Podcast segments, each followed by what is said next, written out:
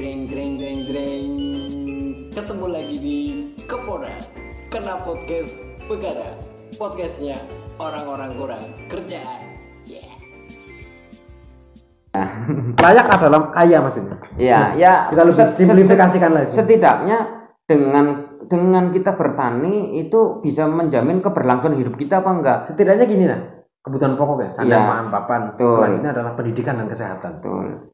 Nah, itu juga apalagi sampai gini kalau nggak seorang petani bisa mengasuransikan pendidikan anaknya nah sampai misalnya ke level itu kan itu menjadinya pasti orang bakal banyak jadi petani nah, ironinya kan gini. Kampus pertanian di Indonesia banyak sekali. Ya, hasil dari pendidikan lulusannya lulusan itu itu itu harusnya orang-orang yang ikut bertanggung jawab atas Banyak. pertanian di Indonesia. iya kalau mau support gitu ya Kalau mau support, supportnya, iya. mereka justru pulang ke desanya masing-masing bukan stay di kota besar membangun ya Iya. dan eh, untuk apa ya istilahnya mahasiswa-mahasiswa sekarang mungkin persentasenya kecil yang dia belajar misalkan pertanian nanti dia terjun lagi di usaha pertanian atau mengembangkan pertanian itu persentasenya kecil perikanan peternakan yang nantinya sekolahnya di peternakan dia setelah lulus terjun di bidang peternakan dan perikanan itu persentasenya kecil Nah, untuk untuk melakukan eh, iya, pekerjaan di jurusan yang ia pilih Iya. dan bahkan titel yang dia raih. Betul. Jadi apakah masih relevan adanya fakultas-fakultas sedemikian itu gitu? Iya, dengan rentetan berarti per anak kan lulus membuat satu skripsi yang penelitiannya harusnya berhubungan langsung dengan lapangan. Betul. Logikanya kan. Betul. Berarti ada berapa ratus skripsi? Nah, Kan Ah. harusnya kayak gitu kan banyak. kenapa kalau mas mahasiswa kan sekarang gini ya penelitiannya di lab. Ya, banyak, banyak gini Pak, ketika skripsi sebanyak itu tidak ngefek apa pun ke petani cara nanam apa cara panen atau bagaimana cara memasarkan dan lain-lain Ya, itu Makanya sebetulnya- gitu sebetulnya eh belajar makanya tadi ya kita balik lagi ya Hmm. belajar zaman dulu kenapa seorang empu itu ilmunya harus kompleks karena misalkan kita nggak bisa belajar pertanian saja kita juga harus belajar berdagangnya kita harus belajar harus tahu manajemennya Kenapa petani perlu ngerti mangsa? Karena kita harus Betul. tahu ketepatan apa yang akan kita tanam dengan kondisi iklim. iya betul Mereka harus tahu pergerakan alam berarti. itu kaitannya nanti kalau masalah untung rugi juga bisa Iya. dikaitkannya Makanya- kita sudah eh, eh, bibit Iya. sekian ternyata Iya. ini wah kita rugi Nah, misalnya Bisnis. hubungannya apa dengan perbintangan? Berarti dengan bintang dengan kondisi bintang kayak gini dengan bulan sekian dan lain-lain. curah hujannya seberapa Iya. Nah, Nah, pertanyaannya kita mau tahu ke arah sana aja kita mau nanya siapa, Pak? Iya. Padahal nenek moyang kita punya perangkat-perangkat itu, teknologinya sudah sudah punya. Iya, dan pertanyaannya kan apa iya orang dulu tidak mencatat literasinya ke mana? Iya. atau orang sekarang nggak ada yang menguasai itu berarti kita ada putus generasi Putus kendaraan. Iya. Tapi aku masih yakin ada tetap orang-orang yang masih eh, punya itu apa ilmu-ilmu itu, pengetahuan-pengetahuan itu masih masih aku sangat yakin gitu. Ya, ma- masih ada yang tersisa, terjaga, ya. masih yang tersisa. Bahkan masih terjaga. Aku sangat yakin gitu. Toh realitanya tidak terpublish dengan masif gitu, iya gitu. Tapi di di daerah-daerah tertentu yang pelosok-pelosok sana masih dengan cara tradisional yang masih menggunakan kultur-kultur Iya. zaman nenek yang moyang menyebalkannya kita. gini pak ketika kita membawa teori itu misalnya kita apa Wedatama Mangkunegara 4 Hmm. atau kita bawa buku Wulang Reh Hmm. Kita sajikan ke katakanlah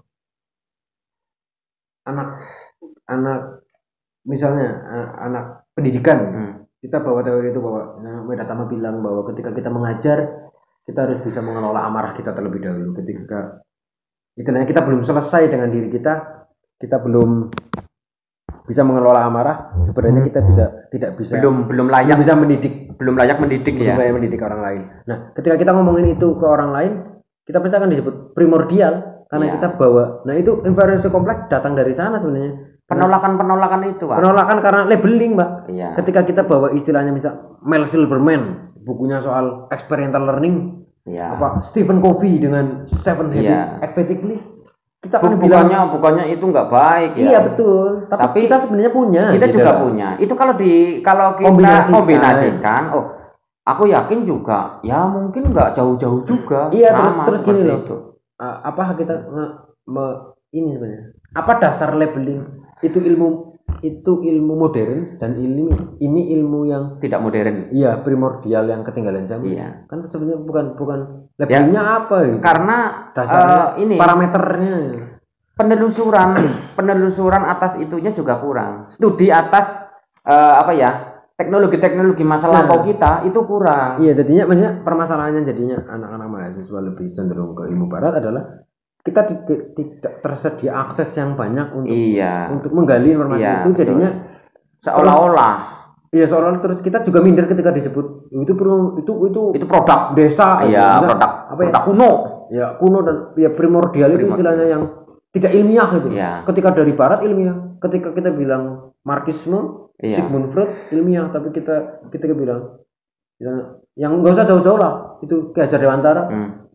nggak ilmiah. kalau nggak ada jurnalnya dianggap tidak ilmiah Iya. sekarang gitu kan Leadership, iya misalnya kita bicara leadership soal Iya. bagaimana kepemimpinan pemimpinan Raden Wijaya, Ayam Buruk, Gajah Mada, iya masa nggak ilmiah bagaimana mereka bisa bikin negara kertagama soal Eh, iya dia bisa membangun sebuah sastrawi yang sangat rangkaian kerajaan-kerajaan satu Nusantara ini Iya, untuk di manajemen di manajemen loh ya di manajemen bahkan konon nggak tahu buktinya tapi sampai Iya. Madagaskar dan Filipina. Iya.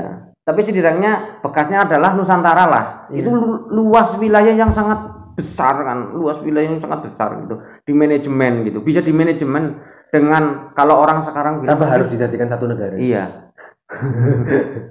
Tetap berbangsa-bangsa aja. Iya mereka jadi kerajaan masing-masing jadi perdikan istilahnya. Iya mereka lapor ke sini. Dengan ada satu Pak, iya. 35 35 hari. 35 hari. Jadi istilahnya ada raja diraja gitu. Raja raja-raja para- kecil? Iya, raja dirajanya adalah Raden Wijaya waktu itu ya. Eh Hayam Wuruk mungkin ya, sudah Ya, saya di Hayam Wuruk. Nusantara Hayam Wuruk. Raja diraja Raden Wijaya kan Raden yang pertama. pertama. Nah, itu Ya, membawahi kemasan Majapahit? Diken siapa dilalui oleh Hayam Hayam Wuruk. Gajah Mada. Jadi dia membawahi Gajah Mada raja-raja kan dari kecil. ini. Uh, partai buruh Apa? Gajah Mada dulu nyalon patih itu dari partai buruh dicoblos oleh sebagian besar rakyat Rakyat. Nah, pemilihannya apa nih Iya. PK ya penunjukan Iya. lang- eh, PL Itu- penunjukan langsung Itu mungkin kalau nah, itu lagi juga kita juga punya sebuah peradaban ketatanegaraan sebetulnya. Itu nggak kalah dengan Inggris masih juga Iya. kerajaan. Kita juga Patih Gajah Mada itu sama dengan Perdana Menteri. iya Mahapatih. iya artinya fungsinya. beda bahasa kita terus minder Iya, kita kita malah lebih kompleks. Mahapatih selain jadi eh, apa namanya? kepala pemerintahan kepala pemerintahan juga juga jadi senopati perang yang utama oh panglima ya Dia- panglima dia, harus perang ngerti siasat. utama, ya. bukan jenderal zaman dulu namanya senopati Iya. senopati utama yang paling utama Dia itu gitu kan. ngerti siasat dia harus ngerti strategi perang nah itu kan istilahnya aja kenapa tentara pakainya nama-namanya dari barat kenapa tidak pakai nama-nama jenderal katakanlah senopati Senopati. gitu. iya prajurit malah nama dari Nusantara para prajurit ya Iya. kalau prajurit nggak tahu istilah baratnya apa prajurit infanteri infanteri kesatuannya prajurit eh troopers troopers ya Iya, rider ya iya, rider gitu ya. Gitu ya, ya, seperti Tama itu. Bintara gitu. Iya itu kan nama-nama Nusantara. Nah Ratu itu ya, iya prajurit satu. Prajurit nah ke sananya harusnya namanya Nusantara juga kok ke sananya jenderal gitu ya kita memang sangat ayah mengawinkan kayak gitu-gitu ya. Hmm, kenapa enggak sekalian gitu loh kan asik gitu ya jadi kita juga punya warna sendiri corak gitu Ya, setengahnya gini sih menurutku. Ketika kita punya menu yang ada di yang kita punya, ngapain kita ngambil menu tetangga apalagi orang lain yang jauh. iya Kalau betul. kita bayangin misalnya K-pop gitu keren banget kita banggain K-pop. Per- Nah, justru orang Korea belajar gamelan. iya Nah, kita jadi bangga gamelan itu ketika orang Korea main Nah, gamelan baru. iya Terus kita marah loh, Pak. Iya. Jadi kita kayak ini, Pak. Orang tua yang enggak merawat anaknya terus anaknya dirawat orang lain, Hmm. kita marah. itu anakku lah kamu rawat enggak nggak pernah ngasih makan nggak pernah Iya. apa ibaratnya itu kita gamelan kita nggak pernah mempelajari kita nggak nggak pernah main nggak pernah tahu terus diambil orang lain iya loh itu budaya kita kalau aku waktu itu lihat sempat ini ya merasa malu gitu ya malu atau ya sedikit sedikit apa ya istilahnya nelangsa gitu ya eh ada pagelaran wayang yang sindennya itu Hungaria ya bule lah Istrinya orang Solo. kan? Iya, jadi orang-orang luar itu begitu bangga menjadi seorang Sinden. presiden gitu, sangat membanggakan presiden. Aku bisa aja enggak gitu ya. Ya Dengan cengkoknya yang eh, minimal karawitannya lah ya. Kalau sini kan spesifik, tapi Enggak, karawitannya. ini pak lebih lebih lebih lebih sederhana mal duduk selama itu Iya, itu saja duduknya saja nggak usah nyanyi ya iya. Berarti kan teknik duduknya aja. Nah, teknik, mereka latihan Iya, tekniknya aja. Itu soal misalkan kalau kita lebih bangga yoga bisa lama-lama dengan. Kita cobalah belajar cara sinden duduk. Iya. Itu kalau tidak terlatih itu mungkin sama kayak yoga juga, meditatif meditatif gitu.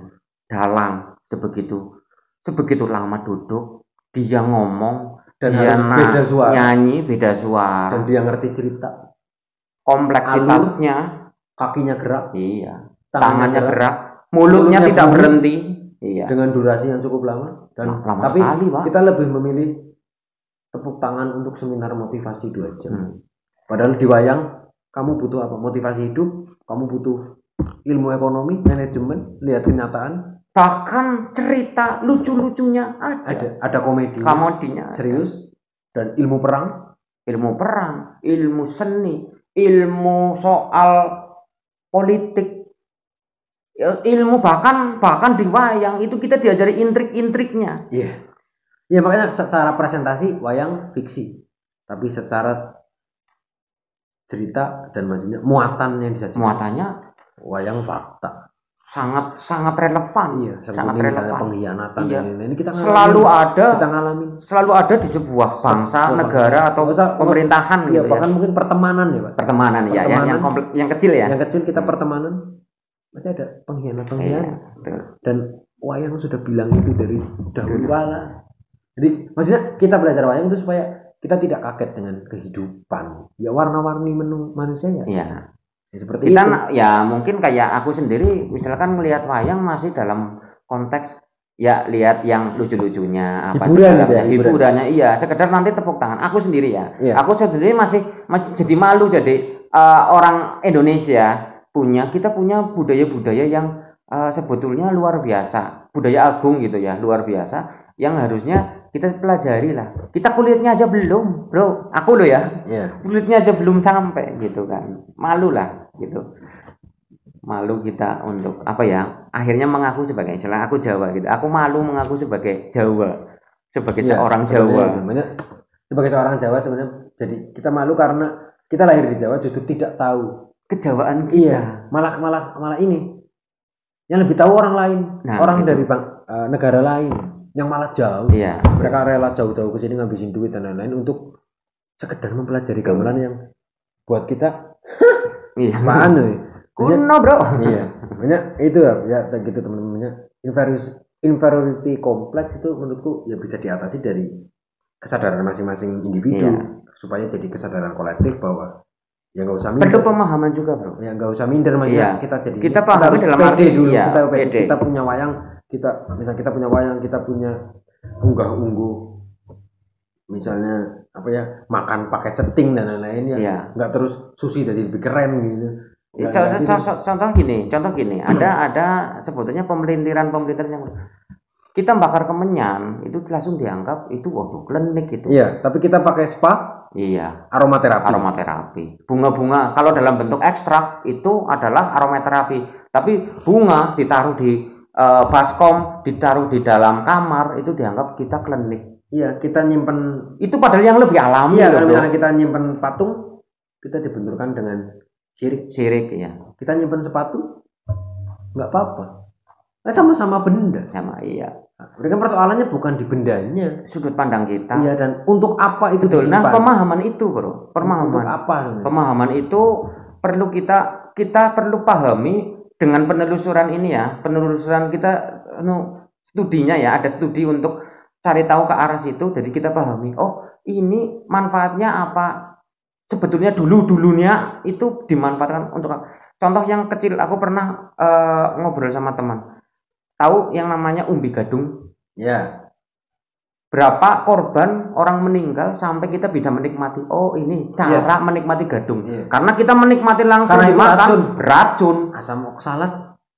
Orang tua dulu nenek-nenek kakek-kakek kita berapa banyak yang mungkin keracunan bahkan mungkin meninggal. Pada proses itu. Pada proses sampai menemukan oh ini harus diolah pakai abu harus diperas harus dicuci tiga kali pakai abu lagi. Sampai sekarang kita tinggal jual jual di pasar itu Iya, tinggal kita kita- menikmati iya aja. ya kita kadang kehilangan itu juga sih. Inferiority kompleks ada kita kehilangan sejarah sesuatu itu lahir dari makanan iya. seni budaya dan lain jadinya kita kehilangan rasa terima kasih pak. Betul. Penghormatan kepada yang yang yang pernah menciptakan. Iya. Jadinya kita senang banget. Itu nyalain orang yang sebenarnya kita nikmatin karyanya pak. Kayak Iya. misalnya wah Yahudi ini kafir ini.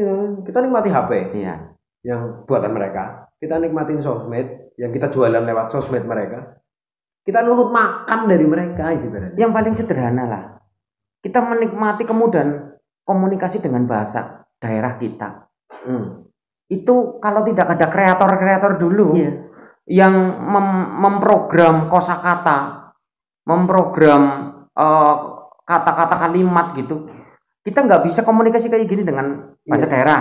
Dan dan kita kehilangan akses untuk menelusuri itu sebenarnya ya, maksudnya menelusuri eh, apa sih ruang lingkup yang bisa bikin kita tahu soal kayak gitu gitu Betul. persoalannya ya karena silang sengkarut informasinya sekarang begitu masif ya maksudnya kita bedain informasi yang valid mana yang tidak Yang tidak itu Ya, itu susah jadinya sekarang. susah. Dan informasi itu belum lagi ini Pak, kecenderungan kita mempelajari sejarah lebih ke bukan apa relevansi yang bisa kita pakai di hari ini iya, kecenderungannya adalah kita mempelajari sejarah untuk gontok-gontokan kebenaran Pak. kayak misalnya untuk jadi untuk bahan pertentangan Pak misalnya Soekarno itu lahir di Blitar apa Surabaya sebenarnya kan sudah bukan poin menurut iya. misalnya poinnya adalah apa yang Soekarno lakukan terus kita bermanfaat Kita ambil value-nya apa Iya, nilainya dari apa. sosok Soekarno misalnya sebagai gitu. iya Nah, pahlawan. ya, sebagai pahlawan kita bisa ambil spirit-spiritnya apa misalnya uh, orasinya yang hebat dan lain-lain kita bisa ambil itu itu bahwa apa ya bidannya dulu ngelahirnya di Surabaya terus dibawa ke Blitar yang nggak nggak ngerti Nggak, juga iya.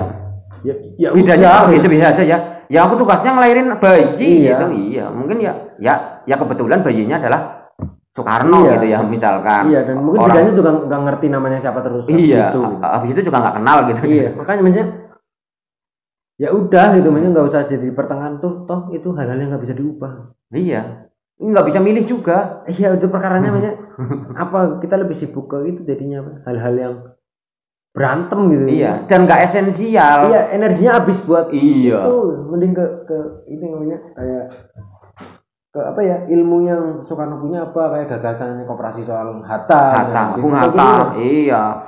Nggak usah lagi misalnya ya oke dipahami sebagai fakta oke misalnya apa Soekarno memenjarakan Pramudian Antatur gitu iya Ya, oke lah tapi bahwa dari kejadian itu Pramudia malah jadi ngelahirin trilogi Pulau Buru yang Iya. tulisannya sangat rumah kaca bumi manusia yang jadi filmnya Iya. Hanung lahir dari rasa pedih yang amat Iya. malah jadi karya yang sangat fenomenal ada ada rentetan sebab akibat yang jadi sebuah iya mungkin ketika Soekarno tidak melakukan, besar gitu. melakukan itu malah Pramudia nggak ngeluarin Nggak, karya iya, itu dia nggak berkarya dengan Iya. itu gitu. Dia mungkin memikirkan sesuatu karena kepedihannya. Oh ini ini ini ini Iya. inspirasi. tapi gampang. tidak lantas sebenarnya semua orang harus melalui jalan yang maksudnya untuk jadi pejuang aku masuk penjara lah Iya. nggak nggak ya kan nggak gitu banyak relevansinya di, dinilai kan di value nah itu sih makanya inferiority, complex malah kalau dari aku yang sekolah malah banyak cenderung dilahirkan dari proses pendidikan itu sendiri Iya. kalau menurut jadi untuk mengubahnya ya ya lewat community kalau menurut Iya, kalau aku memang komunitas banyak cukup seneng ini ya kayak diskusi-diskusi iya soal yang lepas maksudnya iya. dari lintas bidang latar, Iya, latar belakang yang berbeda-beda kita saling ngomong kita saling nyanggah diskusi saling katakanlah mungkin debat tapi bukan untuk nyari musuh ya tapi Iya. kita nyari mana sih yang apa yang lebih baik atau apa yang benar bukan Betul. sosoknya siapa yang benar apa siapa yang ngomong lebih bukan ke sana jadi Sebetulnya kalau kepercayaan diskusi- diri sangat iya, penting namanya masa kita nggak minder adanya diskusi kan sebetulnya untuk menghasilkan sesuatu yang lebih presisi. iya benar kita kita punya Kita pendapat sudut pandang. sudut pandang atau kita pendapat lihat gajah dari iya, belakang kita akan ngomong gajah itu ekor Iya. nah dari depan gajah itu belalai nah Dari samping beda lagi. iya fungsi gajahnya mungkin akan bilang oh gajah itu kakinya dua Iya. Ini gitu gitu. Nah dari belum dari bawah, belum dari atas. Nah kelengkapan sudut pandang itu kan jadi ya Lebih presisi. lingkar pandang yang harusnya Iya. jadi pemahaman bersama. Dan dis- diskusi, Yang sehat ya gitu. diskusi menguntungkan menguntungkan si pembelajar itu Iya. dari dari apa ya kita bisa melihat sudut pandang orang lain. Hmm. Selama itu kita punya niat berangkat dari niat baik, Yang Ya, kalau diskusi yang penting kalau menurutku jangan punya agenda menang kalah.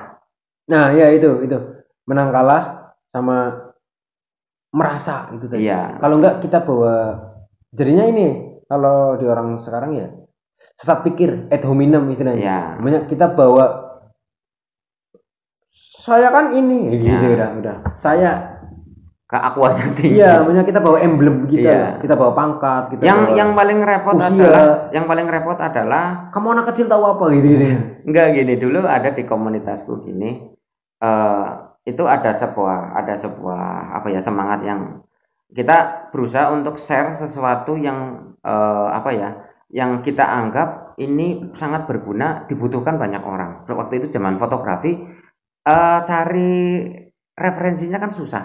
Hmm. teman-teman waktu itu internet belum sampai kayak sekarang lah. Nggak masif, iya ya. nggak masif belum masif gitu. Informasi orang untuk belajar fotografi susah.